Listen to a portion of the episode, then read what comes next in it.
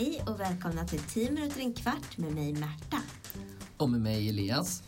Det här är en podcast i samarbete med vikarielärare som tar upp ett nytt ämne per avsnitt som är cirka 10 till 15 minuter långt. Och idag Elias ska vi prata om en av de händelser i svensk historia som jag tycker är den absolut mest spännande. Vad kul! Tell me! Ja, vi ska prata om Stockholms blodbad. Den 8 november 1520 var dagen då allt hände. Men det började egentligen långt innan dess. 1520? Men det är ju nästan exakt 500 år sedan. Eller i varje fall 499 om man ska vara exakt. Ja, det har du rätt i. Nästa år får vi liksom ha ett jubileum. 500-årsjubileet av Stockholms blodbad. Exakt. I alla fall. Från och med 1397 hade Sverige, Norge och Danmark ingått i samma union. Nämligen, Eh, Kalmarunionen. bravo. Och de här tre länderna var ju tre olika kungariken. Men när Kalmarunionen bildades så skrevs det som ett brev. Och det var typ som ett avtal eller ett kontrakt. Ja men typ. Och det blev så att en regent skulle styra över alla de här tre rikena. Och så småningom kommer en man som heter Kristoffer av Bayern att styra unionen i början på 1400-talet. Och han dör plötsligt och det blir lite tumult och oklart vem det är som nu ska ta över styrandet. Så det leder till att Danmark och Sverige väljer varsin regent. Och åren går och så småningom blir en man som heter Kristian den andra kung över Norge och Danmark.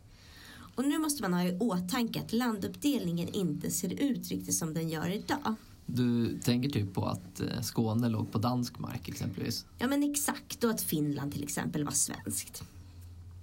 Skåne var danskt och här var den här nya kungen Kristian den andra himla populär.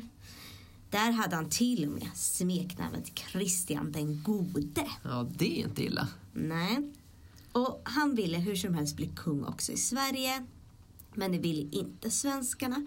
Och speciellt inte de rika och mäktiga svenskarna. Alltså adelsmännen och biskoparna och de här. Exakt. Och det är väl egentligen de som bestämmer på den här tiden. Ja, och vet vad det ledde till? Krig! Såklart. Män och makt, du vet, blir ofta bråk. Och det blev det även här.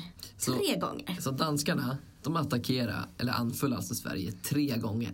Bara för att Kristian andre ville bli kung även i Sverige. Ja, känns lite maktgalet. Ja, minst sagt. Men hur gick det för dem då? Ja, men tredje gången vi gilt som man brukar säga. Attans! Ja, för dem. För svenskarna alltså. Ja. Kortfattat kan man säga så här. Kristian och en armé på 20 danska män. 20 000. 20 hade inte varit så, Nej, hade inte varit så farligt. Nej, då hade vi inte haft mycket motstånd. Gick i januari 1520 in i landskapet Västergötland och anfaller. Och svenska soldater försöker hindra danskarna men misslyckades. Och till sist så tränger de här danska soldaterna in sig i Stockholm. Och härmed blir Kristian den andra kung i Sverige. Men nu är han fundersam. Han har ju krigat och bråkat med Sveriges mäktiga män och flera har dött och de som inte dött är ju väldigt mot honom. Han är inte populär.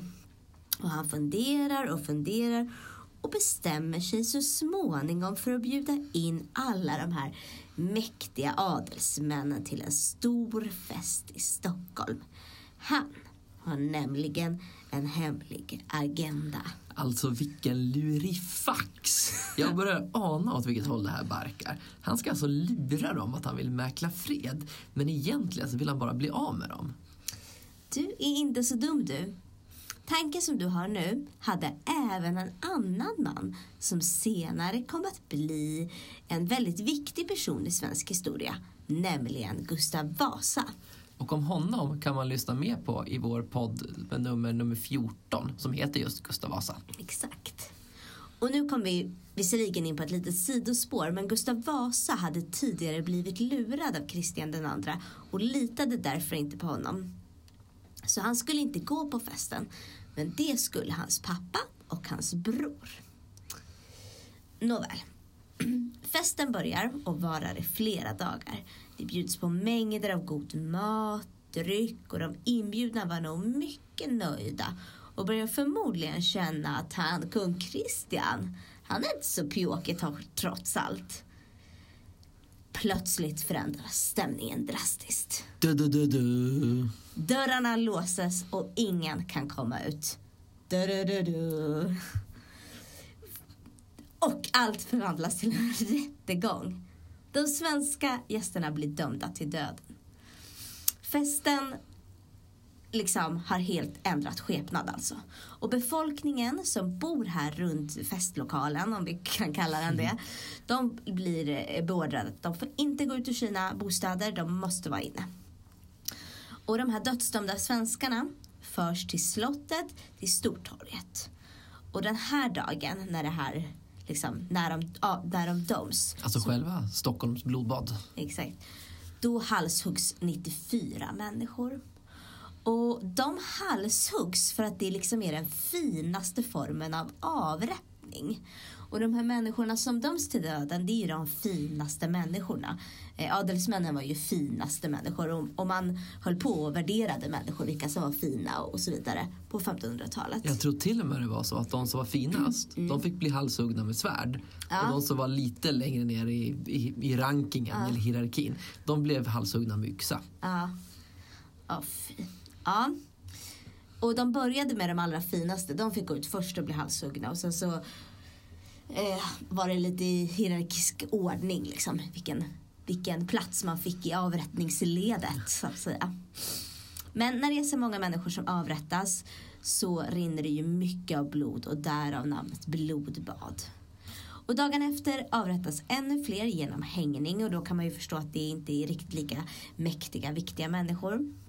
Och de här döda kropparna får sedan ligga kvar på marken eh, i ett, några dagar. Och du kanske kan, eller det kanske du inte kan, det kanske inte jag heller kan, men man kanske kan tänka sig hur vidrigt det var. Det är 1500-talets Sverige, det är liksom november, det är grått, blött, kallt, blod, eh, döda kroppar drar till sig liksom massa djur som ska komma och äta på det här köttet eh, råttor, fåglar, hundar, grisar. Ja men you name it. Jag tror att det var så vidrigt. Ja, det måste lukta hemskt. Ja men hemskt verkligen. Men efter några dagar så tänds i alla fall ett stort bål på Södermalm dit kropparna släpas och bränns. Och Christians och hans mannar kommer sedan efter några dagar åka vidare hem till Danmark och på vägen så passar de på att döda några till när de ändå är igång så att säga. Och det är nu han får det här namnet så som jag känner honom som Christian Tyrann. Ja, man fattar ju att många ansåg honom som ganska tyrannlik. Ja, verkligen. Men han kanske var en tyrann. Men han verkar ju inte ha varit så himla smart direkt. Skulle han kanske inte bara haft den här festen så svenskarna börjar gilla honom istället? För vad händer nu? Ja, men jag tycker att du har en poäng här. Han blev ju Christian Tyrann med Sverige och många blev nu ännu argare på honom. Han kanske hade haft en chans att vända det till att bli populär men det gjorde han inte. Och det är nu våran mytomspunna Gustav Vasa kommer in i bilden igen. Eh, för han kom så småningom att ta makten från Kristian II och bli kung i Sverige. Men du, du sa ju att Vasa, alltså Gustav Vasas pappa och bror var på festen. Jag antar att de också blev mördade?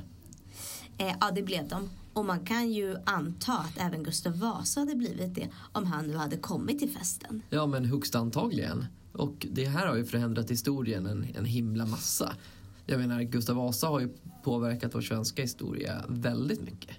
Exakt det är ju efter att Gustav Vasa blev kung som vi har det här arvsriket, att man ärver tronen, att kyrkan reformerades och blev protestantisk och massa annat. Så att om han inte hade funnits så hade antagligen historien sett helt annorlunda ut. Men du, tack Märta för den här mycket intressanta historielektionen.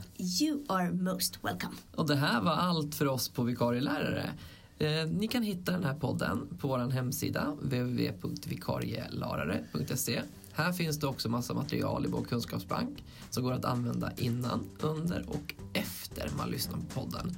Ni kan logga in med lösenordet vikarielärare med litet v. Ni kan också hitta den här podden i våra sociala flöden. Vi finns på Facebook som vikarielärare. Gå in och gilla oss. Och vi finns på Instagram som vikarielärare. Gå in och följ oss där. Och vi som heter Elias och Märta vill bara säga tack så mycket och hej då! Tack och hej!